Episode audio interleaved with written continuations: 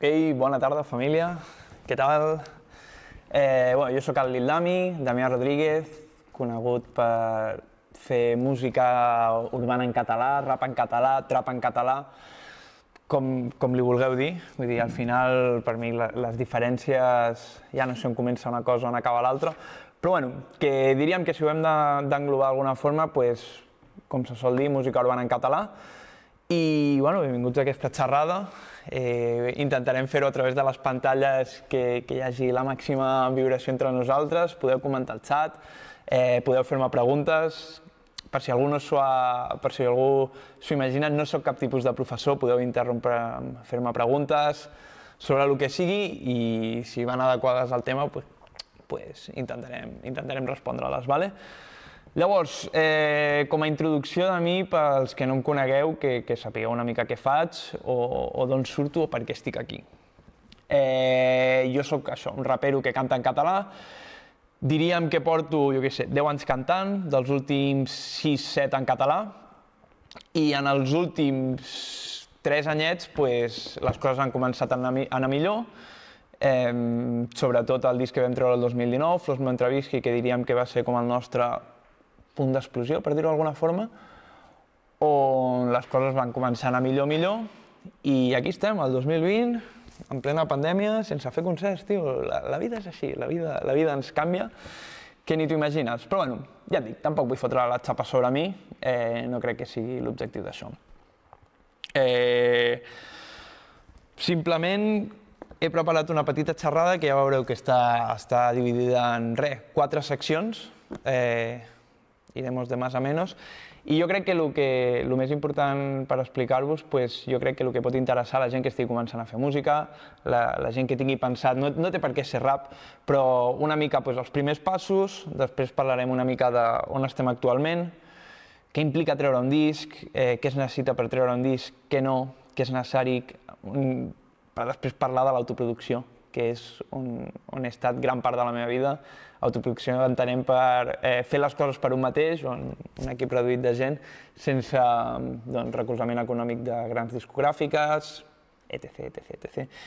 I després també crec que és molt important parlar dels temes en concert, sobretot pel, pel gènere en el que vinc, pel gènere del que vinc, que doncs, potser és una que a vegades, per desgràcia, s'acostuma a, a deixar una mica de banda i crec que també és superimportant. Però bueno, no m'enrotllo més. Eh, paso a la primera, una mica els primers passos. Uh, voy a hablar de mí, he venido a hablar de mi libro. No, vull dir... Quan em refereixo a primers passos, eh, bueno, aquí a la foto podeu veure el jove Damià de 15 anys, fa 10 anys, 10-11 anys, això devia ser el 2009, el primer tema videoclip que vaig primer tema no, però sí el primer videoclip que vaig fer a, a la meva vida. Llavors, per què explico això? Perquè molta gent sí que s'associa que, com per fer música, eh, o necessites molts recursos, o necessites partir d'una base, o necessites tenir algú al darrere, i això no sempre és cert. Vull dir, nosaltres, jo vaig començar a cantar el 2009, 10 anys, eh? eh una mica perquè, perquè sempre he sigut un flipat. I com sempre he sigut un flipat, sempre estic fent coses, sempre m'estic inventant coses i quan tenia 15 anys era encara el doble flipat. Llavors vaig començar, em van arribar els primers CDs de rap per via el meu germà i, i és que no, no té un altre que ser un flipat de dir, hòstia, que guapo, mira el que diu, mira el que està dient aquest pavo, eh, mira quines paraules fa servir, mira com sona això, per què no ho faig jo? I així vaig començar això, amb 15 anys, al pati a l'escola, amb dos o tres col·legues que encara són més flipats que jo, que un ara, avui en dia encara és eh, el meu millor amic i, i, i em recolza màxim, però això, i vam començar sense tenir ni idea de res, ni idea de res, ni material, ni res. Llavors, eh, com vam fer les primeres gravacions o les primeres coses que volíem fer? Repeteixo, no teníem ni idea ni, ni de què es necessita per gravar. O sigui, me'n recordo que el primer que ens vam comprar va ser un, diria que un Rode NT1 o un Rode NT2, un micro de 50 euros, i no teníem targeta de so i el connectàvem a, a, un, a una taula de so directament sense cable, bueno, sí, horrible.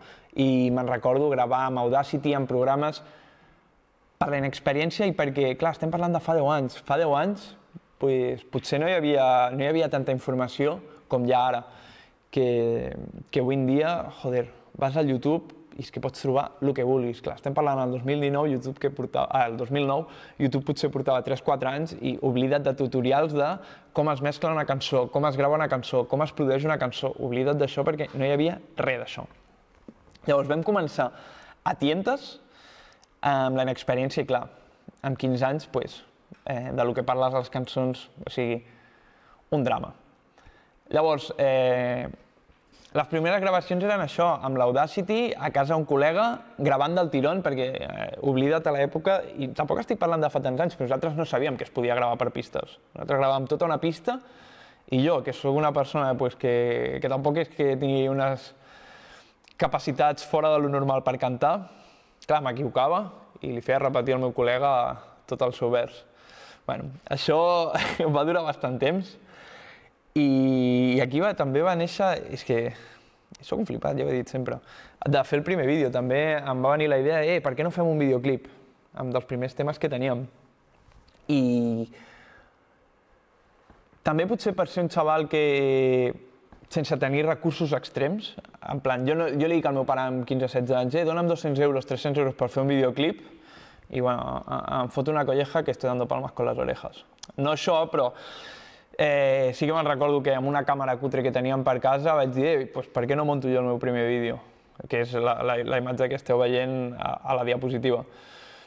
I res, amb, amb quatre consells, amb quatre tonteries que vaig treure de... És que ni tutorials, li diria. Vaig muntar el primer vídeo, que bueno, això ja no es pot ni trobar a, a internet.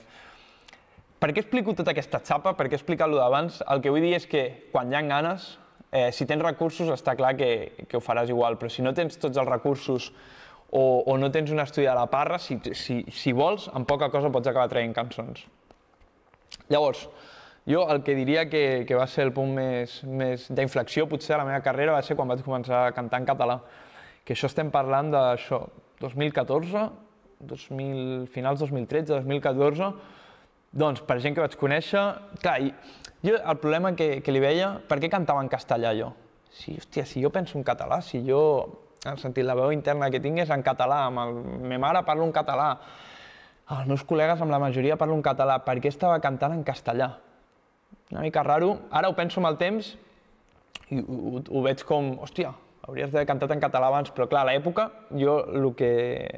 La conclusió que he arribat és que no cantava en català perquè no tenia referents en català perquè potser sí que hi havia adversaris, però no estem parlant de que aquí a Catalunya hi haguessin grups dins del mainstream, grups de rap sonant a les ràdios en català o, o, o, o temes amb milers de visites a YouTube cantant en català. No hi havia res d'això. Llavors, quan això, el 2014, vaig començar que, hòstia, doncs sí que es podien fer, fer coses en català. És a dir, hi havia la Peu Gang que just començava a despegar el 2014 fent coses en català, que jo va ser els primers grups que vaig veure. Vull dir, i dels que més m'han influenciat, és que seria, seria d'ignorant negar-ho ara. Vaig tenir la sort per un col·lega en comú que els vaig conèixer i me'n recordo a mort com va anar la cosa de començar a cantar en català, estàvem a casa d'un col·lega, del Toni, la Peu estava gravant un tema i bueno, estàvem fent un cubates, etc, etc, i van dir, eh, fem un tema tots, eh, ells són molt així, i, i clar, jo venia a cantar en castellà, i em van dir, ei, Dami, t'apuntes? I jo, vale, tio, i, I com que els vaig demanar permís, us fa res que canti en català? I, i me'n recordo la resposta a l'Iu que va ser, tio, tira pa allà, endavant, estàs tardant. I a la que vaig provar a cantar en català, o sigui, va ser, ok, no vuelvo atrás. Pel simple fet de que em sentia còmode cantant. En... No vull que això es, no es convertirà en una xerrada xapa de sobre fer servir el català a les cançons, no és la meva feina, no soc, no vaig amb la bandera del català ni, ni molt menys, però sí que és cert que per mi va suposar trobar el meu lloc, que al final crec que a la música és el més important, trobar el teu lloc, trobar la teva zona de confort, trobar el que realment t'identifica i el que et fa únic. Llavors, jo crec que aquest és el punt d'inflexió de la meva carrera, quan començo a cantar en català i m'adono que, que realment eh, m'estic explicant millor en català, que jo crec que aquesta és la clau, que, que en castellà, ok, rapejava, però sabeu allò quan parles amb algú i dius hòstia, no m'està dient la veritat? O, o no és 100% creïble el que diu? I en català el que em passa és que sóc jo mateix, parl, eh, estic cantant tal qual parlo a la vida i em sento 100% jo. I jo crec que això es nota. Vull dir, segur que a la música també ho veieu, els que consumiu música, que sereu tots, quan un artista t'està dient la veritat i te'l creus, com que el que et diu t'impacta de bo. Llavors, eh, d'això ja, ja s'acaba la xapa aquesta dels primers passos i anem a les coses importants i que ens interessen a tots. Eh, però això, que la, la reflexió d'això és trobeu el vostre lloc i, i trobeu el que us fa únics i els que us identifica de debò. Llavors, anem a parlar de la situació actual. Si estic anant molt ràpid, eh, estic veient preguntes al xat, vaig a respondre alguna mentre passem de diapo. Eh, podeu fer les preguntes, el que deia abans, em podeu interrompre, no sóc un professor. Eh, això crec que ha de ser més, més interactiu, una conversa entre gent, que, que jo aquí fotem explicar sense res, sense, sense parar. Llavors, creus que actualment, ens pregunta l'Edu, no? creus que actualment hi ha molts més referents que abans en català? Bueno, jo crec que, que, que és innegable, i no només a, a nivell de quantitat, sinó a nivell de posicionament. És a dir, és el que deia abans, eh, quan jo vaig començar, me'n recordo d'haver vist algun vídeo d'adversaris, però no et sabria dir al canal Terrassa o alguna així, però que era mínim. I ara, tio, pues, per sort, pues, poses els 40, poses flashback, i tens pues, nosaltres que, que sonem, tens 31 FAM, tens la Flashy Ice Cream i més grups que vindran després. Llavors, si jo ara em pillés amb 15 anys, estiguéssim en el punt on jo estava fa 10 anys, clar, això m'hi motivaria a fer música, a dir, eh, hi ha un pavo que està fent rap en català, no només està fent rap en català, sinó que està a la ràdio. No només està a la ràdio, sinó que li va bé i ha aconseguit convertir això en la seva forma de viure. Llavors, crec que és molt important el canvi aquest de passar de que no hi hagi gaire referents a que hi hagi cada cop més referents i sobretot el posicionament d'aquests, de que, de que estiguin com cada cop més, més ben ubicats, per dir-ho d'alguna forma. Anem a respondre al Geri, el Gerard, suposo que ens comenta l'únic que necessites és un DAO, un micròfon, targeta so, ordinador i la resta és màgia. I és que això és veritat, per això em dic que avui en dia Eh, ara passarem, eh? després quan parlem d'autoproducció parlaré una mica del que es necessita, el mínim que necessites per gravar a casa teva, eh, les mínimes eines bàsiques, però i fins i tot el que, el que ha dit el Geri, eh, jo crec que fins i tot es pot simplificar més, però estic 100% d'acord. Quin idioma és més complicat a l'hora de composar les lletres? Jo crec que no hi ha un idioma més complicat que l'altre, sinó depèn de la persona. A mi, per exemple, ara mateix em costaria més escriure en castellà que en català. Per què? Pues perquè porto els últims 5-6 anys de la meva vida cantant només en català, llavors quan ho afronto molt més fàcil. Si hagués de cantar en castellà segur que podria fer coses decents, però com que ja tinc l'hàbit de cantar en català i és la, meva, la llengua que més faig servir, eh, jo crec que no hi, ha una lletra, no hi ha una llengua més difícil que una altra, sinó depèn de la, de la pròpia persona que, que parla, o sigui, de, de l'interlocutor, que diríem. Eh, Blai, quina va ser la teva col·laboració? La col·labo que vam fer amb la Pyongyang era Estem al Black, que no sé si es pot veure actualment, però, però va ser la primera col·laboració que vam fer. 2014, eh? Fa sis anyets, tu. Joder. La vida, nens. I el Geri torna a dir eh, algo molt interessant que he llegit, que hi ha molta penya fent coses guais en català i de qualitat, perquè sempre sentim parlar els mateixos. No offens. Gràcies per matitzar el no offens. És molt important, o sigui, 100% d'acord, eh? Sí que és cert pues, això, que a les ràdios pues, potser sentim més a parlar de 30 Fam, de Flashy, de la Peun o, o, o de mi. I no sabria com respondre't. O sigui, crec que ha el fet de que els quatre grups que t'he mencionat tenen una discogràfica, que després parlaré de què fa una discogràfica, què no fa una discogràfica i per què serveix. Eh, Potser això és un fet diferenciador pel que sents a parlar d'aquesta gent, o simplement també perquè som gent que portem més anys. I, i amb això no vull dir que, que, que el fet de portar més anys et situï en un lloc millor, però hòstia, jo porto, parlaré, jo sempre parlo del meu cas personal, porto picant pedra molt temps, llavors, si porto mm, sis anys traient temes en català, és normal que la gent hagi sentit, sentit més parlar de mi doncs perquè he tingut sis anys per martiritzar la gent amb temes meus. Jo crec que aniria per aquí. Però bueno, després parlarem una mica d'això, de les discogràfiques. Uh... Ah, bé, sí, és la, és la següent diapositiva, perfecte. Per això, podeu seguir fent preguntes, no us talleu, eh, no matamos a nadie por preguntar. Vale, la situació actual. Amb la situació actual no sabia com resumir gaire aquest lloc, però com veníem dels primers passos, us he explicat com gravàvem, com putzejava tot, com fèiem els vídeos i tal. Ok, doncs, pues, com estic treballant ara i després, bueno, què implica treure un disc? I amb què implica em refereixo a què es necessita per treure un disc o com veig jo la, la, la separació single disc, perquè actualment sí que és cert que hi ha la diferència entre single disc. Hi ha molta gent que basa la seva carrera en treure singles, no critico res d'això, em sembla perfecte. Eh, si us hi fixeu, hi ha... que també és algo al que ens han putxat Spotify. Eh? Spotify i les distribuïdores, o sigui, les, les plataformes digitals, t'han obligat a que sembla que, que hagis d'estar traient música constantment. És a dir, que sembla que cada dues setmanes has de treure un tema per estar, per estar present i per estar viu. I s'ha perdut una mica el que fa uns anys era el disc, dos anys sense treure cançons, treure un disc. Dos anys sense treure cançons o tres i treure un disc. Llavors, aquesta separació és superimportant. Jo he estat a les dues bandes, així que us donaré el meu punt de vista. Eh, jo, abans de treure el primer disc, el 2019, vaig estar dos anys traient un single cada mes. Un single amb videoclip, o sigui, cançó nova, amb videoclip cada mes. Això és una feinada que ni us ho podeu imaginar. A més, ho compaginava amb la feina que tenia llavors i era treballar mm, de 9 a 5, per les tardes escriure entre setmana i els caps de setmana intentar muntar un vídeo amb els medis que tenia a l'època. Han ser dos anys de, de molt curro. Llavors, sé el que és això, i us diré els pros i els contres. Els pros d'això és que, diguem que si, si agafes si agafes una gràfica, si tu estàs en la que a baix hi ha l'any, tu estàs traient coses constantment. I en canvi, si treus un disc cada any, doncs, tens un hype al principi i després va baixant fins que tornes a treure un disc. I el, el fet de treure molts singles fa que, que la gent no s'oblidi de tu i com que estiguin allà.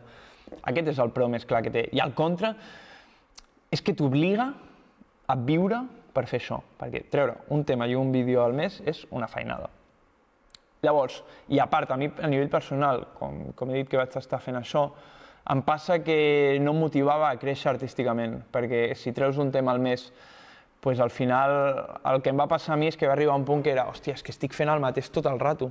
Al final acabo un tema, em poso amb el següent, no he tingut espai vital per viure, no, no, no he viscut altres coses que em facin créixer com a artista. Llavors, em, em, em vaig trobar en això, que estava parlant de lo mateix. I la diferència amb el disc és aquesta, i, i el que m'està passant ara, que vam treure el disc el 2019 i entre disc i disc traurem un tema o dos, no, no, no hem tret gaire més perquè tampoc no, no trobàvem la necessitat, jo últimament estic en el mode de si no tinc res nou a dir, no faig música. No que no faci música, sinó per dir alguna que ja he dit, m'ho estalvio. Per fer alguna que ja he fet, m'ho estalvio. I això passa també a nivell de, de com sonen els temes. Si no tinc res a dir, quina necessitat tinc d'estar calentant a la gent amb, amb coses que ja he dit?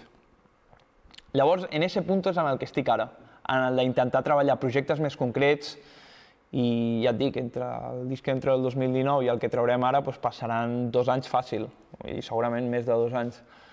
I això el que doncs, m'he viscut, m'ha permès entre dos anys conyo, evolucionar com a persona i artísticament del que escoltava fa dos anys, no el que escolto ara, i això em permet crear coses noves. Llavors, què implica treure un disc? Que, que tampoc és què implica treure un disc, sinó les diferències entre el mercat dels singles constants i treure un disc. Jo ara mateix estic en el mode de disc, perquè el que dic, en general això, vull treballar més un projecte, treballar un concepte i sobretot que es permeti diferenciar entre èpoques, perquè si no al final estàs fent singles i no, no canvia. Segur que, que hi ha molts artistes dels que escolteu, jo per exemple m'hi fixo, eh, que hi ha artistes que escolto i dic, hòstia, està guai això, i al mes següent treu un tema i dic, hòstia, és que està guai també, però no m'està aportant res nou o no m'està explicant res nou que, que, que ja hagi sentit. I aquest crec que és una mica l'inconvenient més gran dels singles. Però també el pro és que si ets un artista més petit és el que has de fer. És el que jo vaig estar fent durant dos, dos anys i pico, cada mes, picar pedra. Jo li dic picar pedra, que és anar provant, anar provant, anar provant. I hi haurà un single que t'anirà millor que l'anterior, i hi haurà un single que t'anirà millor, i arribarà un punt que diràs, vale, ok, vaig a fer un disc. Llavors, el meu consell és aquest. Singles a muerte, correu a muerte, i quan arribi el punt, traieu un disc on agafeu l'experiència de tot el d'abans i ho plasmeu bé. Mira, jo he tret un single cada mes des del març. En total porto 12 singles. Seguiré traient un single al mes, però ja estic corrent en un EP col·laboratiu, veus? Mis dies. 100% d'acord, 100% d'acord amb tu, Geri. Vull dir, estic 100% d'acord. Sigue dándole duro, sigue dándole duro. Per mi aquest és el camí. Llavors, un tema molt important és discogràfica independent, que també va a relació de lo que comentava de les ràdios i tot això. Què implica tenir una discogràfica i què implica estar independent? Molt fàcil. Jo he estat independent i ara estic en discogràfica. Quan era independent? Els pros i els contres. Els pros, que suposo que és el que més li interessa a la gent, és que el 100% de la recaudació va per tu. I quan tens una discogràfica no és així perquè simplement hi ha, hi ha altra gent a l'equip. Llavors, quan tu ets independent, el guai, el més, el més divertit és que si el teu disc a Spotify genera 1.000 euros, aquests 1.000 euros aniran per tu. Hi han 1.000 pàgines per penjar les coses a independent. Eh, jo estava en una que es diu Imusician App, però bé, la veritat, zero queixes, i encara segueixo cobrant d'allò del que vaig treure fa dos, tres anys. Vull dir, el guai de, de, de treure coses en plataformes digitals és que econòmicament és el que s'anomena un passiu que et va entrant mensualment. Mensualment és un passiu que vas rebent. No, no us imagineu Lamborghinis, per almenys en el meu cas. Ja arribarà. Llavors, eh, la part de la discogràfica, podríem dir que el contra és que el 100% de la recaudació no és per tu, lògic, però eh, per mi el pro més important és tenir un equip de darrere de treball que m'entén i sap el que vull fer. Llavors, molt important. Eh, què implica tenir una discogràfica? Per mi el que implica és, com deia, un equip de treball que sap cap on vull anar, entén la música que faig i em recolza. Però és molt important també, hi ha discogràfiques i discogràfiques, eh? les he sentit de tots colors. O sigui, conec a penya que està pillada pels ous per multinacionals. Jo en el meu cas és una discogràfica que es diu com independent, que no és tant una multinacional, ni no és un Sony, no és un Warner. Llavors, aquestes discogràfiques són més petites, no tenen tant poder de pressió com pot tenir un, Spotify, un Sony o una Warner, que aquests agafen el telèfon i et col·loquen on volen. No va ben bé així, però ja m'enteneu. Però eh, sí el que té que el tracte amb mi és 100% personalitzat i que el, el, el contracte és més favorable a l'artista, perquè el contracte d'una multinacional doncs, estem parlant de percentatges d'un 20% per l'artista, que és, és una soletzada. Les hem vist de tots colors. Però això, llavors, eh, és guai tenir gent que treballi en la teva música perquè t'allibera de molta feina i et comences a centrar en, ok, si jo el que vull és fer música. Quan jo estava in independent, eh, clar, oblida't no oblida't, però jo no feia la feina de, quan treia un tema, redactar una nota de premsa i enviar-li pues, a Catalunya Ràdio. A...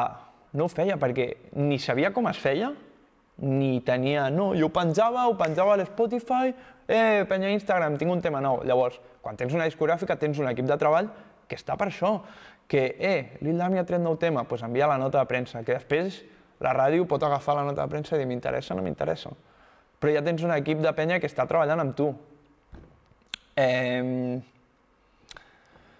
què més, què més podria dir de discogràfica? Clar, jo és que també et dic, en el meu cas estic molt content amb la discogràfica per això, perquè és un equip petit i és un equip que m'entén 100%. Mm, però sí que conec a gent pues, que, que... Aquí és quan entren les lindeces de les discogràfiques en el sentit de que què et deixen fer i què no et deixen fer. Això és una pregunta que, que, que sí que me l'acostuma a fer molta gent de hòstia, però tu si vols treure alguna cosa, et deixen? Eh, jo és una que vaig deixar molt clar abans de, de firmar cap contracte i que em van respectar 100% la discogràfica. De, jo vaig deixar clar, jo artísticament vull tenir el 100% de la meva... que es faci el que jo vull. Això, aquesta me l'he trobat molt de... Clar, quan vam treure el primer disc amb la discogràfica i ens va començar a anar millor, molta gent se li fot al cap la idea de ah, és un producte, o la discogràfica, la discogràfica li ha dit que faci això perquè això vendrà més i anirà millor, i és en plan... Puc entendre que la gent ho pensi, però no té sentit, perquè precisament nosaltres, quan vam firmar amb la discogràfica, vam anar amb el disc que ja el teníem fet i li vam dir eh, nosaltres traurem això, us interessa? I, i els hi va agradar i vam començar a treballar junts. Però no va ser venir la discogràfica i fer el disc a posteriori amb el que ens van dir ells, ni molt menys.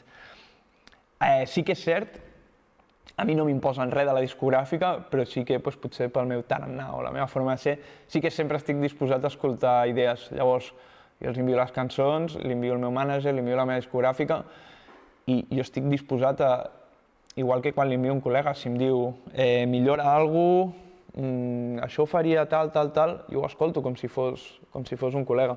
Llavors, el meu consell, si sou un artista petit, eh, mantingue't independent, vull dir, les coses quan hagin de venir arribaran, no tinguis pressa per firmar, perquè sí que estic veient eh, penya que en tal de dir que està una discogràfica està firmant qualsevol cosa, i això és un error, perquè també doncs, potser estàs hipotecant uns anys de la teva vida. Llegeix-te, sobretot, importantíssim, si et posen una oferta de discogràfica, llegeix-t'ho i rellegeix-t'ho. Perquè, bueno, al final una discogràfica és una empresa, i una empresa vol guanyar diners. Llavors, has de tenir clar això, que ves en compte. Jo, a la meva experiència, no he tingut cap problema. Però com conec gent que sí que ha tingut problemes, aneu amb compte, llegiu bé, eh, llegiu quants anys esteu firmant, tema royalties, tema editorial, aneu bé, eh, fixeu-vos bé en els percentatges. Aviam. Mm. Quantes preguntes, nens? Molt bé, molt bé. Vaig, a, vaig, llegeixo les preguntes, vaig a veure si hi ha algú que tingui a veure amb lo de la discogràfica. Vale. Vale, hi, ha, hi ha algunes interessants dels concerts que les comentarem més tard. Vale?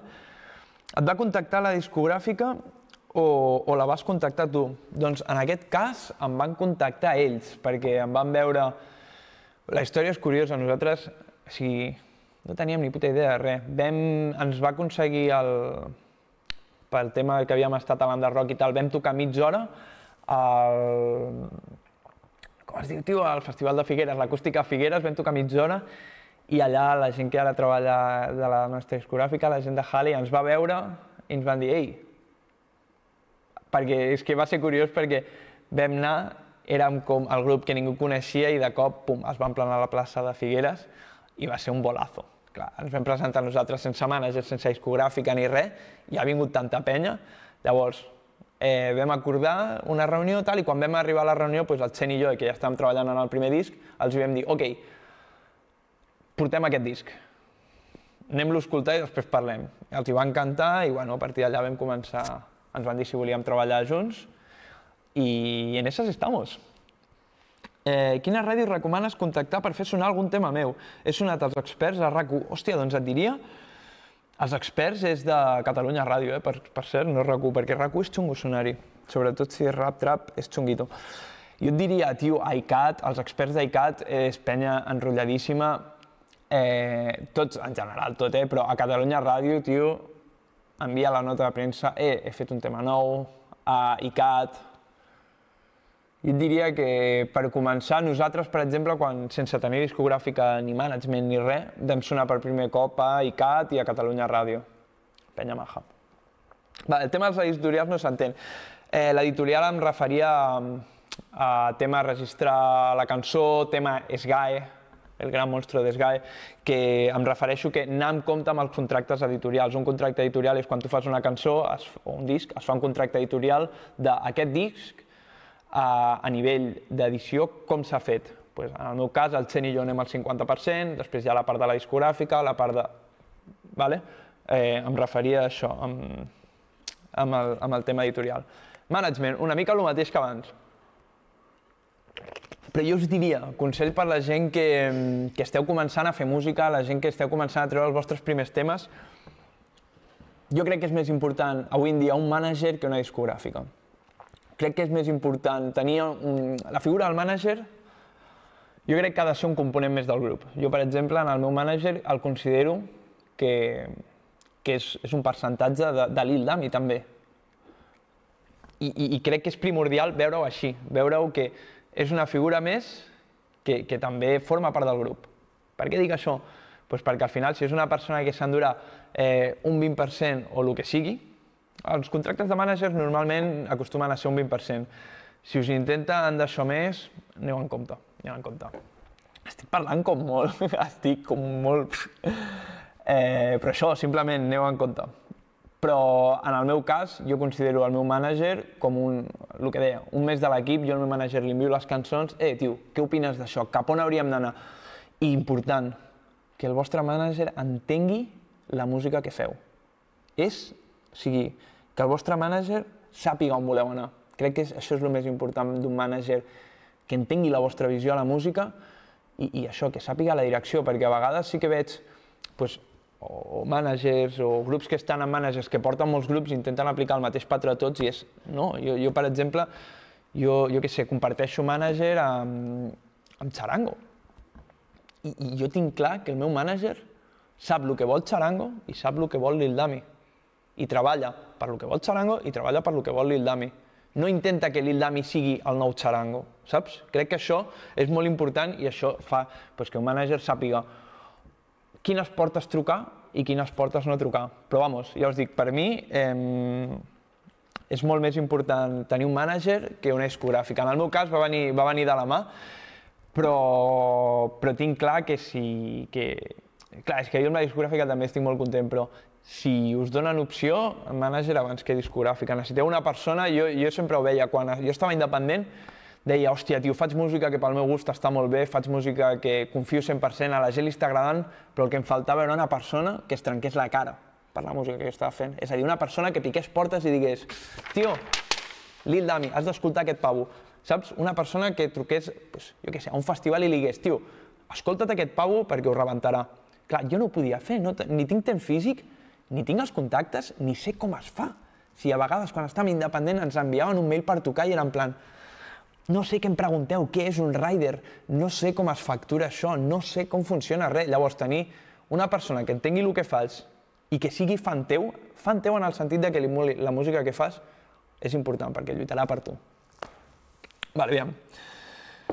Eh... Xapes, estic fent. Tema promoció xarxes socials. Important. Important. Ah, com explicar-ho? Jo, jo mai he, no he fet gaire promo, la veritat, de, de la música. No és un tema en el que estigui molt posat. Eh, sempre he, he considerat més important tenir el, el creixement orgànic, tenir un creixement orgànic de mica en mica, el que deia abans, treus un single, ok, el següent single, si tens 1.000 visites, el següent segur que són 1.200 o 1.100, i mica en mica anar creixent, i això és el que jo li dic un creixement orgànic. I avui en dia, i és el problema de les xarxes socials, que sí que veig moltes ganes d'intentar intentar passar més del que pots mossegar. I això segur que coneixeu infinitat de casos de que entres a un perfil d'un tio i dius, hòstia, té 70.000 seguidors. I després veus les fotos i veus 100 likes. O després penja un tema i té 100 visites, 200 visites. Eh, jo crec que això s'ha de jugar amb molt de compte. Vull dir, fer promo no està malament. Eh, totes les empreses fan promoció i al final la música no deixa de ser una altra cosa que una empresa. Si tu confies en la teva empresa, si jo fos carpintero, intentaria promocionar la meva, la meva empresa, fem els millors marc de porta de tot el Vallès. Intentaríem fer aquesta promo a muerte. Llavors, si tu ets músic, no està malament fer promo, faltaria més. Si tu creus confies en el teu producte, tio, aposta i fes promo. No confonguem promo amb comprar visites, comprar seguidors, etc, etc, que molta gent basa el seu èxit en quants seguidors tinc, quantes visites tinc, i aquí està l'error, intentar fer creure a la gent que ets algú que no ets. I és que això ho he vist mil cops. Eh, D'això, algú que compra 100.000 visites en un vídeo, és que això ho veureu i segur que coneixeu exemples. Quin és el problema d'això? Que et compres 100.000, et compres 200.000 visites, no sé ni el que valen, potser per 50 euros tens 100.000 visites. Et compres 100.000 visites. Ok, agafa el tio d'una sala no? i diu, hòstia, aquest pavo té 100.000 visites en un vídeo, té 200.000 visites, amb aquest tio jo puc fer diners. El truco a la sala, el contracto, i si té 100.000 visites, no seria raro que vinguessin 500 persones al concert. El problema d'això és que després et contracta. Tu li dius, ah, toco per 500 euros. El tio de la sala es creu que ha fet un negoci redondo perquè t'està pagant 500 euros i el que canta diu, li he colat un bolo per 500 euros. Arriba el dia del bolo i no hi ha ningú, perquè és fum. Perquè és fum que s'ha fet a base de xarxes socials, a base de pagar visites i a base de crear una bola d'algú que realment no és tant. Llavors, el meu consell és calma, paciència, tot arriba, seguiu treballant, intenteu el, el creixement orgànic i no és dolent fer promo, sempre i que no feu trampes. Trampes, com li vulgueu dir. Uf, parlo molt, eh? Parlo molt. Eh, podeu seguir fent preguntes, eh, després passarem a... Hi havia unes que volia respondre. Retorn inversió. Això va relacionat amb la promo. Quan haig d'invertir? No en promo, ja, sinó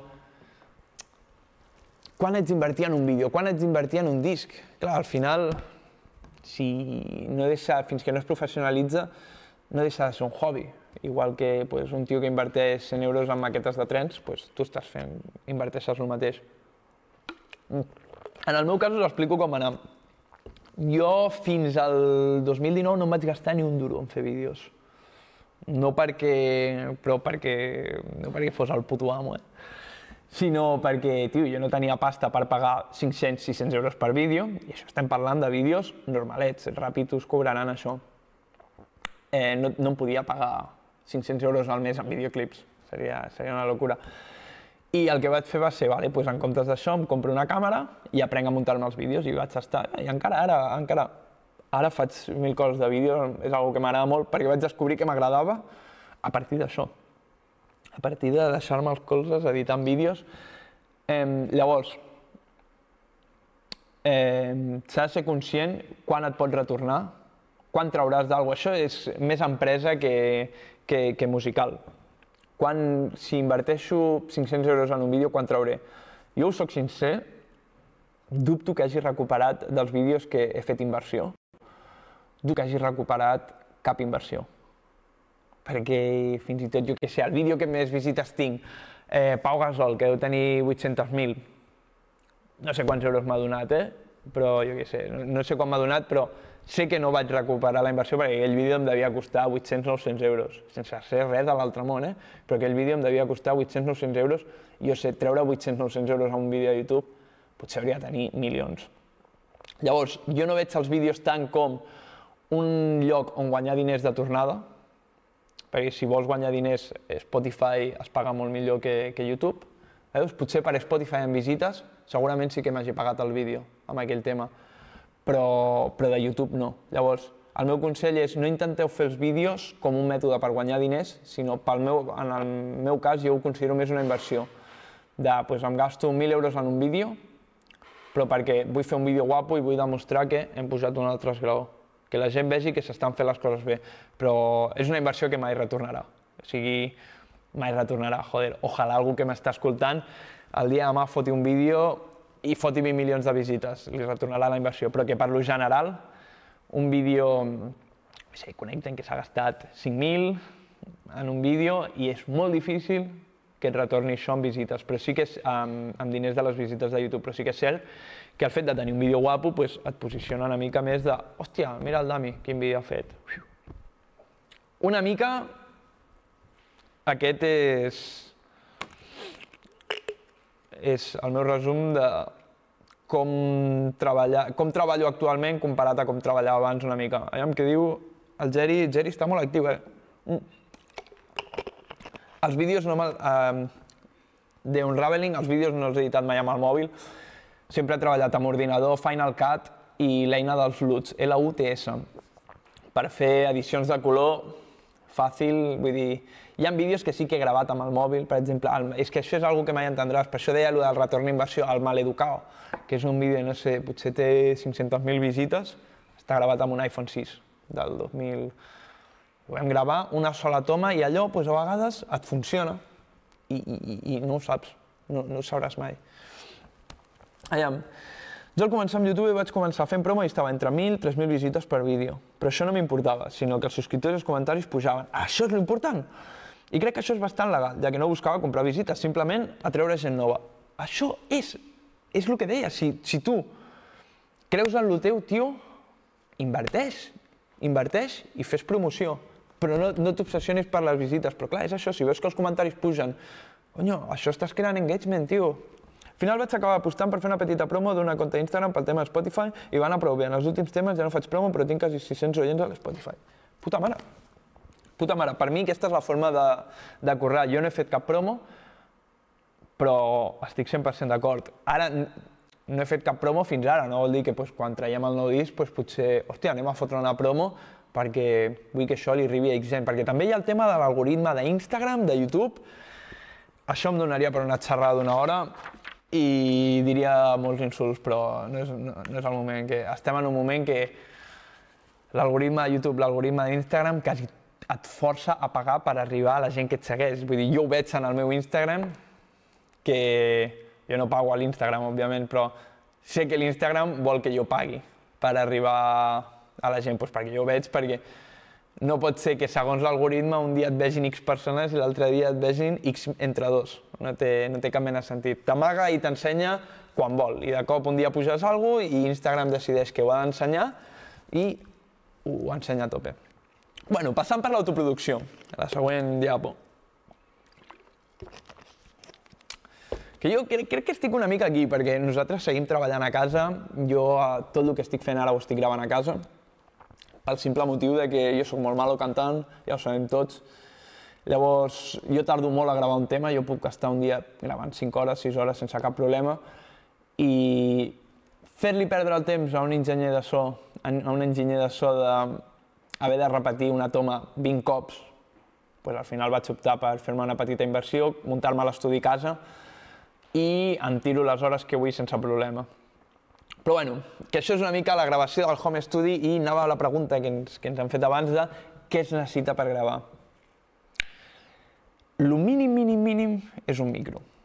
Llavors, ha fins i tot ara mateix, eh, diríem que lo lògic és micro, targeta de so, ordinador, programa per l'ordinador que podeu trobar segurament amb una mica perspicàcia, si voleu gastar lo mínim segur que sabeu on trobar-ho, i altaveus. I diria més, fins i tot els altaveus, pots, si vols anar a mínim, et pots estalviar els altaveus, uns cascos, que són indecentment bé els greus i tal, i un micro de USB, i no necessites targeta de so. De fet, anècdota, eh? Hòstia, és que no sé si em passaré del temps perquè em foto xerrar.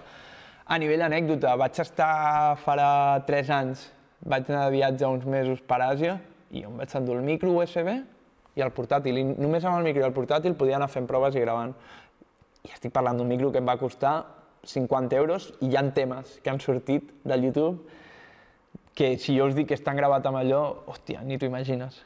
El que s'ha de tenir una, una mica de perspicàcia a l'hora de la mescla i tal. Llavors, el tema del home study, que ja et dic és com treballem ara, jo tinc l'estudi del Chen, que és on acabem els temes, on els produïm bé, on es fan les coses bé, i després jo a casa meva tinc un petit estudi, que no sé, no sé en quan estaria valorat, però res de l'altre món, que és on estic currant dia a dia en millorar. Llavors, això t'obliga a que tu t'has d'aprendre a gravar tu mateix, t'has d'aprendre a editar una mica les veus perquè sonin decent. Per això, senyors, senyores, en un vídeo de 10 minuts del YouTube ho tens. Clar, una altra cosa, aquí, ah, és bon aquest comentari, una cosa són les demos i l'altra és l'estudi. Aprofites material també de demos? Eh, 100% tinc un micro mig decent, un micro de 200 euros, eh? tampoc us creieu, i tot el que gravo a casa meva ho aprofito. Perquè jo li vaig dir al Chen, el que li vaig dir al Chen és el, el productor amb el que treballo, li vaig dir, digue'm què m'haig de comprar per poder fer coses que sonin decentment, que després podem aprofitar i que podem treure en un disc i no soni malament. I em va dir, compra't això, això, això, això. Vaig gastar un micro de 200 euros, una tassa de 200 euros, la inversió no va ser més de 600 euros, crec. És pasta, som conscients d'aquests diners, però bueno, també és la meva feina. Joder, estic invertint en la meva feina. Però que el que gravo a casa, jo no vaig a un estudi a gravar-ho, jo aprofito. També és cert que potser pel tipus de música que fem, entenc que si tens un violí no pots gravar a casa. Si toques una trompeta no pots gravar a casa. O és més difícil si no ho tens acústicament acomodat. Una pregunta que em fan molt també és sobre què escric, Dami. Eh, en el sentit de que molta gent m'envia missatges de hòstia, vull fer música, m'agrada fer música, però no sé sobre què escriure. I el meu consell, ho he apuntat perquè crec que és important parlar d'això, és escriu de lo que vulguis. Si és que el guai de, de, de la música és que pots fer el que vulguis, pots escriure el que vulguis. Però el consell que et dono és siga real. Què entenem per ser real, no? que és un terme que es parla molt en el rap, ah, jo soy real, jo no soy real. Siga real a tu mateix, tio. Si et dius Pere, eh, vius a, a, Cerdanyola i tens una vida normal, parla d'això, segur que pots parlar d'amor, pots parlar de desamor, pots parlar de coses que t'han fet plorar i de coses que t'han fet riure. Hi ha infinitats de coses per parlar, però no intentis muntar-te una vida de soy peligroso, soy matón, soy... Perquè a l'hora de la veritat, i ho he vist, sempre hi ha algú més matón que tu i a la vida real ho hauràs de demostrar. És a dir, el que diguis a les cançons, tio, el meu consell és que sigui algo que puguis demostrar a la vida real. Jo crec que també quan vaig trobar això, troba el teu lloc, tio, troba el que, el que realment et motiva a escriure. Jo, de fet, amb el Chen sempre parlem que tot parla de l'amor. Al final, tot és amor. Pot ser amor de diferents formes, eh? pot ser amor cap a ta mare, pot ser l'amor que sento a les coses que em fan feliç, però al final tot es redueix a l'amor. Així que, senyors, deixin de fer-se els durs i parleu d'amor. Vale. Una mica dels videoclips, que ja hem parlat. Perdoneu, crec que ho ho he comentat una mica, que és el tema d'això, de que al final, si et mola, tens un col·lega que fa vídeos, que formi part del teu projecte. Si tens un col·lega que li mola la foto i el vídeo, jo en el meu càsting la sort que el Pau treballa amb nosaltres, eh, si tens un col·lega que formi part del projecte, que si el projecte puja, que pugi amb tu. Si no tens aquest col·lega, tio, doncs fes-les tu mateix. Avui en dia, o sigui, és que ho teniu tan fàcil, agafeu un mòbil, tio, els mòbils aquests graven de l'hòstia, graven superbé, tio. Agafeu un mòbil, un esteri d'aquests de, de 50 euros de mòbil, us podeu gravar quatre tomes i podeu fer un vídeo en un cap de setmana. L'excusa de, dels vídeos, clar que mola tenir vídeos guapos, eh? clar que mola tenir un vídeo amb un cotxazo, però s'ha de ser real i que no se te'n vagi la flapa. Llavors, un vídeo el podeu fer. Amb quatre tutorials de YouTube, un mòbil i tal, podeu muntar un vídeo. No hi ha excusa. Què més? Hòstia, és que veig que se'm tirarà el temps cap a sobre, tio. Eh, com va el tema? Pregunta Adi. Com va el tema de les col·laboracions, per exemple, eh, que graves primer la cançó, deixes la part per fer la col·laboració amb l'altra persona o parles primer amb aquella persona per quedar i gravar el mateix dia? Molt bona pregunta. Doncs jo en el meu cas ho he fet de les dues formes. Eh, per exemple, ara amb la música que estem fent, sí que nosaltres pues, deixem el tema, deixes reposar el tema, deixes uns espais i dius qui l'encaixaria aquí? Ok, pam, li envies i li envies, eh, et molaria fer això, tal, o a vegades han sortit col·laboracions, això passa molt amb els raperos d'estàs a l'estudi i surt la col·laboració espontània, eh, anem a fer un tema, va, busquem una base, ah, jo tinc una base, ho escriviu al moment i ho graveu en el moment. He fet dels dos tipus de col·laboració. L'únic que us recomanaria també, intenteu que les col·laboracions siguin orgàniques, el mateix. Intenteu que si feu una col·laboració sigui algú que a tu t'agrada el que fa ell i a ell li agradi el que fas tu. No cal que us coneixeu, que sigueu amics de tota la vida. No cal, però que que no intentis fer una col·laboració per aconseguir més visites ni, ni, ni acabis arrastrant-te per aconseguir una col·laboració. Les col·laboracions ja arribaran, tio. Nosaltres hem tingut la sort que, joder, hem fet col·laboracions molt xules, eren col·laboracions molt xules també, i hem tingut la sort d'això, de que molta gent s'ha volgut sumar al projecte, però no perdeu el cul, o sigui, també m'han dit que no, eh, col·laboracions, no us penseu que això només li passa, vull dir, jo he dit, ei, tio, vols fer una col·laboració? I he tingut respostes de, no, mira, o, o no m'agrada el teu estil, o tal, no passa res, tio, al final és música i no us heu de prendre res personal. Però també és, és important fer col·laboracions perquè aprens molt, tio, aprens molt de, de com treballar una altra persona, de, ell podrà aprendre de tu i al final pues, la gent que, que escolta l'altra persona t'escoltarà tu i la gent que t'escolta tu l'escoltarà ell i, i això també li passa molt als raperos, no? que si un rapero està aquí i un rapero està aquí, sembla que el gran no vol col·laborar amb el petit i és, és de tenir dos dits de front, perquè al final els dos pujareu, no? els raperos grans es pensen que l'altre pujarà per la col·laboració i això són, al final això són egos, són tonteries, són tonteries. Vale. Aviam, ja, ta, ta, ta. Eh, toques algun instrument que utilitzis per composar? Doncs no, tio, és algo que m'arrepenteixo, eh? no tocar cap instrument. Tinc una guitarra a casa que he intentat aprendre a tocar i ara últimament, bueno, últimament no em vaig comprar un MIDI per intentar composar, perquè la idea és... Trobo que, que era una carència, eh? I, i ara estic posat en intentar autoproduir coses, però no per... Vull produir coses perquè el Xen no em produeixi més, això mai passarà, si, si, si per mi això mai passarà sinó per intentar aprendre melodia, intentar harmonitzar, intentar aprendre aquest tipus de coses. És una mica i acabant amb l'autoproducció, que, que crec que és el tema més important i del que més hem parlat en el d'això, és el que jo li dic One Man Army, que, que és el resum del que hem explicat. One Man Army, que seria com eh, ejército d'un solo soldado, que al final, quan ets independent i estàs fent autoproducció, és el que ets. Tu ets el teu propi enginyer de so, tu ets el teu propi filmmaker, ets el teu propi manager, ets el cantant i jo he estat aquí. El mateix, els pros, que, joder, et fa content de, de dir, joder, tot això ho he fet jo, ho he aconseguit jo, jo faig els meus vídeos, jo tal, tal, tal. Però és guai, a mi m'ha costat molts anys, eh, aprendre a delegar, tio, tenir un equip amb el que aprendre a, ok, aquesta feina hi ha algú que la pot fer millor que jo. Igual que eh, pues, vam tenir la sort de comptar amb un manager estupendo, Igual que jo abans anava als concerts, jo muntava la lona dels concerts, jo m'encarregava de que l'ordinador funcionés. Això, tio, et peta el cap, perquè arribes a l'hora del concert, que ara parlarem dels concerts una mica el que ens queda, arribes al concert rebentat i fas el concert rebentat. Llavors és important tenir un equip, un equip de feina que és del que vaig a parlar a la següent, a la següent diapo. Cantar en viu, li he dit cantar en viu, però crec que també va una mica, és, és troncal això. Formar equip, família. Quina foto més xula, eh? Joder, de locos, de locos, tio. Crec que és un moment de la meva vida que, que ja no tornaré a viure, no sé, sempre, sempre hi penso de que dubto que visquem algo tan èpic com això. És jodido, eh? Sigui, a nivell de coco, això et destrossa per dins, tio. O sigui, estàs tocant davant de, no sé si eren 13.000 persones i, i no t'ho creus.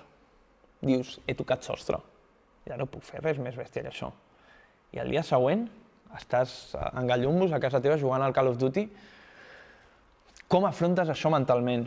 Això és important, tio, intentar centrar-se, tenir el cap als peus a terra, de com afrontes això, de que un dia estàs super amunt i el següent dia no estàs fent res. És heavy, però bueno, és una, és una feina important. El que deia, formar equip, important, el que deia, si tens el teu col·lega que és, està fent vídeos, que s'integri a l'equip. Nosaltres ara mateix té gràcia perquè molta gent diu ah, Lil Dami és un tio. Lil Dami és un tio, però quan toquem és Dami, Mariona i Chen a dalt de l'escenari. Tècnic de, els germans Melero, tècnic de, llum, de llums i tècnic de so, essencials. El Lio, road manager, essencial. I el Pau que s'encarrega, ui, perdoneu, del mèdia, dels vídeos, fotos i tal, i l'Àlvaro que ens porta al metge, estem parlant de 8 persones per un concert que la gent diria, ah, és el Dami, és una persona. No, no, el Dami d'entrada ja són 3 a de l'escenari i 5 a baix. O sigui, és, el bo és que som una família i l'important, formar equip. Jo... Hi ha bolos que he perdut diners. La primera gira que fer, el, bueno, de moment l'única, perquè aquest any no hem fet gaire gira. La gira del 2019, jo hi havia concerts que vaig perdre pasta. El concert aquest que veieu aquí la foto amb molta penya, jo vaig palmar pasta bueno, són coses que si tens una mica de visió empresarial dius, ho haig de fer. Ho haig de fer perquè m'interessa. Llavors, cantar en viu, a la mínima que tingueu oportunitat, formeu un equip. Formeu un equip i que aquest equip, tècnic de so i tècnic de llums, essencials, nens. O sigui, jo, jo ara ho tinc clar que no faig res en viu si no és amb tècnic de llums i tècnic de so. Perquè creieu-me que quan veieu un concert amb un tècnic de llums que sap el vostre bolo, canvia totalment. La gent que hagi vingut a un, a un bolo nostre, crec que ho sap que, hòstia, algo tan bàsic com que les llums vagin al ritme de la cançó, que cada tema tingui un color assignat, canvia literalment el, el tipus de concert que estàs fent. Ja no és algo amateur, que, i per mi és el problema que, que, que li veig a molts raperos o a molts grups de rap que van al concert i van als que canten i ja està. Clar, jo entenc que, que a nivell de pasta és molt fàcil segar-se per això i dir és més fàcil repartir entre dos que repartir entre quatre. Està clar però intenteu tenir una visió a llarg termini. Vull dir, això no és un sprint de què més et dona avui guanyar 100 euros més, l'important és que d'aquí 5 anys segueixis guanyant diners. I això com s'aconsegueix? Pues, cantar en viu és, bàsicament diríem que és la, la major aportació de diners, o sigui, és d'on vivim el, els cantants, perquè de Spotify sí, ok, el que deia, és un passiu que entra, però no és algo que has de tenir moltes visites perquè només d'això paguis tots els teus gastos. Llavors, mimeu el concert. Mimeu el concert encara que costi el que costi. Perquè això és el que es nota i quan veus un concert que està malament, pues, ja no només el públic que diu pues vaya concert, he pagat 10 euros per veure uns pavos que, que no saben el que estan fent dalt de l'escenari, que les llums van per una banda, que la música va per l'altra i que no han assajat. Canvi, si un client, un, un oient ve a un concert teu i diu uau, m'he quedat amb ganes de més, tio, aquesta gent està fent un concert però sap el que està fent, és conscient d'on està, és conscient i està fent les coses bé, això es nota. I després, la gent que t'ha de contractar a nivell de, els, com es diuen, no em sortirà la paraula, però bé, vull dir, els organitzadors, això us creieu que no es donen compte? Quan han pagat, m'ho invento, X euros per un grup i diuen, Pau, hem pagat X euros per aquest grup i mira el que ens han fet. I a part tota aquesta gent es coneix entre si i el d'un festival li dirà, mira, vaig contractar aquests i mira el que em van fer. Llavors, mimeu el concert com si fos el més important, perquè pel meu gust crec que és primordial. La importància de fer bé les coses. Que, que ben escrit m'ha quedat això, però sembla una tonteria, però és així. Hi ha algunes preguntes. Vas composar alguna cosa durant el confinament? Doncs la veritat és que sí. La veritat és que he composat molt eh, i, bueno, pues, aviat, aviat començarem a treure coses. El que no he tret música. No he tret música pues, perquè no em venia a gust però a nivell de composició diria que ha sigut dels períodes de la meva vida on més he pogut composar, i no composar només fer temes, fer temes, et puc fer un tema a mitja hora, qualsevol pot fer un tema a mitja hora, sinó composar coses que digui, vale, això ha valgut la pena, això ha valgut la pena, estic cantant sobre alguna nou, perquè el confinament, vulguis o no, pues, et deixa aquest temps d'introspectiva, de pensar en tu mateix, i surten a flote coses que s'han de treballar. I això et permet escriure sobre coses diferents. Llavors, sí, durant el confinament he escrit, hem composat coses superguais, superguais. Eh, com afrontes el panorama que ha deixat la Covid per la producció musical i els concerts? Ai, m'he deixat una, eh? perdoneu. Quan fas... Bueno, responc aquesta. Com afronta el panorama que ha deixat la Covid per la producció musical i els concerts? Pues l'afronto com puc. L'afronto com puc, Clara. Eh, no hi ha una altra que, que joder-se.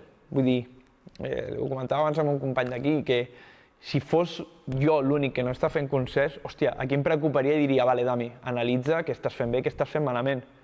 Pues que estem tots a la ruïna. Tot el sector, tot el sector cultural estem igual. Llavors, al final t'ho prens en filosofia de, ok, intentar veure la llum al final del túnel, però a nivell, de, a nivell econòmic, a nivell mental, és, és un cristo. És un cristo. Eh, quan fas una cançó, què prefereixes? Agafar un beat d'internet? És bona pregunta aquesta, quan ja està masteritzat, o intentar buscar algun productor que li diguis idees que tens i que et faci un beat? Ja no, fa, no et fas pesatar, dir tranqui, són bones preguntes, m'agrada molt. Doncs en el meu cas, eh, treballo de les dues formes. Eh, per exemple, en aquest confinament, clar, jo no em podia reunir amb el Chen, que és el productor que treballo. Doncs agafar bits d'internet i treballar idees amb un bit d'internet. Després, a la que ens vam poder juntar amb el Chen, ok, Chen, tinc aquesta lletra, crec que hauríem de fer un beat que funcionés així, així, així, o fins i tot gravar amb bits d'internet i després dir-li al Chen, mira aquesta capella, crec que... i treballar directament amb aquesta capella, fer una producció musical diferent sobre això. Llavors jo actualment treballo 100% amb el Chen, bueno, el, el nou que estem preparant hi ha algun altre productor treballant també, però treballo 100% amb productor, crec que és molt important. A la mínima que podeu, jo vaig tardar molt, considero, però a la mínima que podeu, intenteu fer equip amb un productor intenteu ser un tàndem, un trio amb un productor, perquè es nota molt d'una producció d'internet que tothom pot agafar a un beat que heu treballat amb mimo o amb cura entre els dos. Eh, creus que els concerts tornaran aviat? ojalà ho sapigués, tio, ojalà ho sapigués. Crec que, crec que el futur passa pels tests ràpids i amb sort, el, aviam si l'any que ve tenim un test ràpid, fiable, tenim el que sí que ens permet fer concerts, perquè hi ha ganes, tio, i a més els concerts que hem fet... Ah, mira, de les mesures, mira, parla d'això, el que comenta l'Arnau. Eh, han anat sorprenentment bé, tio, els concerts. Hem fet molts pocs concerts, hem fet quatre concerts en tot l'estiu, però sí que és cert que els concerts han sigut la hòstia.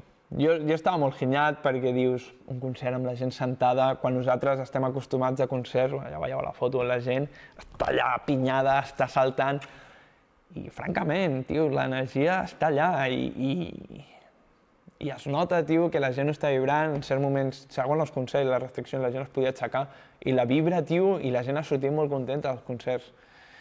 I a més, algun amic meu que és més finolis em va dir hòstia, mira, tio, he pogut anar a un concert teu i veure amb una copeta de vi sentat. eh, molt pijo, el meu col·lega. I jo crec, mira, són 59, una hora, no m'he deixat cap diapo, nah, increïble, eh? com he muntat. Si voleu deixar, si voleu deixem algun minutet més per si voleu fer alguna pregunta final. I si no, ens anirem despedint, home. I tampoc, és que jo em poso a parlar, tinc aquest problema, eh? Que, que em poso a parlar, mira, el Xen m'acaba d'escriure el Xen, que ens ha arribat una col·laboració nova, una col·laboració, un, unes coses que estàvem esperant. Nah, això serà una locura. Bueno, Concert aviat a Lleida, doncs la veritat, mira, no havia vingut a Lleida ciutat fins avui i tinc ganes de, de venir, segur que li harem algun concert quan tot això es pugui. Eh, algú passarà, perquè a més hem tocat a Tàrrega, hem tocat a um, Balaguer, hem tocat més amunt allà a Talar, hem, hem, no? hem estat al costat de Lleida, però Lleida ciutat no l'hem fet encara i la farem, la farem segur. Bueno, penya, això ha sigut tot. Espero que us hagi agradat, espero que hagueu après alguna cosa, no après, perquè ja dic, no sóc cap professor, però espero que hagueu tret alguna cosa que us pugui servir per, per la vostra música, tio. I jo crec que aquí ho direm deixant, vale, família? Bona tarda, que vagi tot molt bé.